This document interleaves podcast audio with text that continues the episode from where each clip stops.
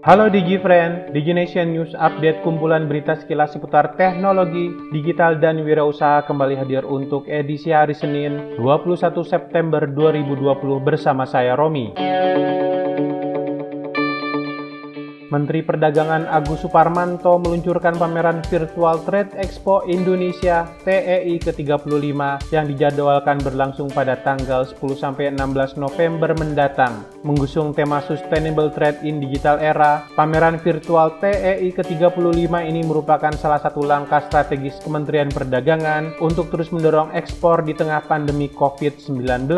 Menteri Perdagangan Agus menjelaskan, melalui sistem daring, para peserta dan pengunjung pameran virtual ini akan diberikan sajian pengalaman sebagaimana lazimnya pameran TEI sebelumnya. Para pengunjung juga tetap akan dapat melakukan interaksi bisnis yang berpotensi meningkatkan aktivitas perdagangan khususnya untuk ekspor produk dan jasa. Promosi dan sosialisasi TEI ke-35 ke negara-negara mitra dilakukan Kementerian Perdagangan melalui kolaborasi dan berkoordinasi dengan Kementerian Luar Negeri negeri, termasuk kantor perwakilan RI dan perwakilan perdagangan di luar negeri. Target TEI tahun ini mencakup diversifikasi pasar yang lebih luas, khususnya pasar-pasar non-tradisional seperti negara-negara di Afrika, Timur Tengah, dan Asia Tengah.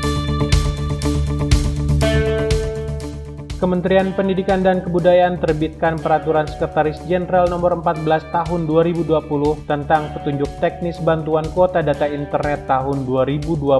Petunjuk teknis ini menjadi pedoman dalam penyaluran bantuan kuota data internet bagi pendidik dan peserta didik sehingga dapat mendukung penerapan pembelajaran jarak jauh selama masa pandemi COVID-19.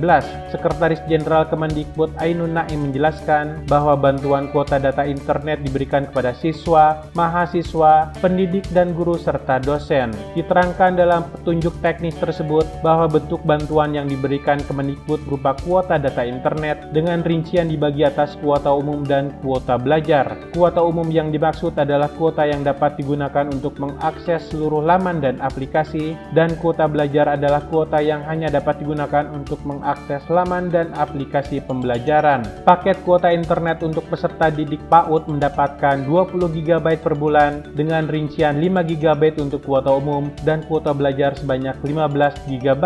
Peserta didik jenjang pendidikan dasar dan menengah mendapatkan 35 GB per bulan dengan rincian 5 GB untuk kuota umum dan kuota belajar sebanyak 30 GB.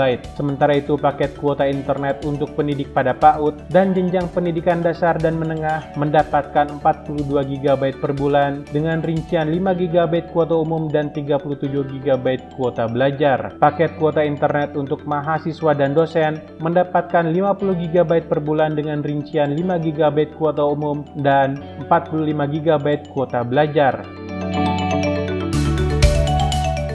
Alokasi dana industri global untuk solusi berbasis blockchain pada tahun ini diperkirakan mencapai sekitar 4,1 miliar dolar Amerika Serikat atau mengalami peningkatan lebih dari 50% jika dibandingkan dengan tahun lalu. Hasil kajian dari Internal Data Corporation menunjukkan bahwa pengeluaran untuk blockchain diperkirakan akan terus menguat hingga lima tahun ke depan dengan tingkat rata-rata peningkatan per tahunnya mencapai sekitar 46,4% dan mencapai sekitar 7 17,9 miliar dolar Amerika Serikat pada 2024 mendatang. Research Director Worldwide Blockchain Strategies International Data Corporation James Wester menyatakan bahwa isu ekonomi global terkini yang dipicu oleh pandemi COVID-19 telah mempercepat hampir semua sektor industri untuk melakukan evaluasi ulang terhadap proses bisnis dan mempercepat transformasi digital yang mencakup blockchain dan distribute ledger teknologi. Lebih dari seperempat pangsa alokasi pengeluaran global untuk blockchain berasal dari industri perbankan. Penggunaan blockchain di perbankan biasanya meliputi pembayaran dan settlement, pembiayaan perdagangan dan settlement pasca transaksi, serta perjanjian transaksi. Pengeluaran dana untuk blockchain di kalangan perbankan akan terus meningkat dalam beberapa tahun ke depan, dengan rata-rata nilai peningkatan per tahunnya mencapai sekitar 45,3 persen.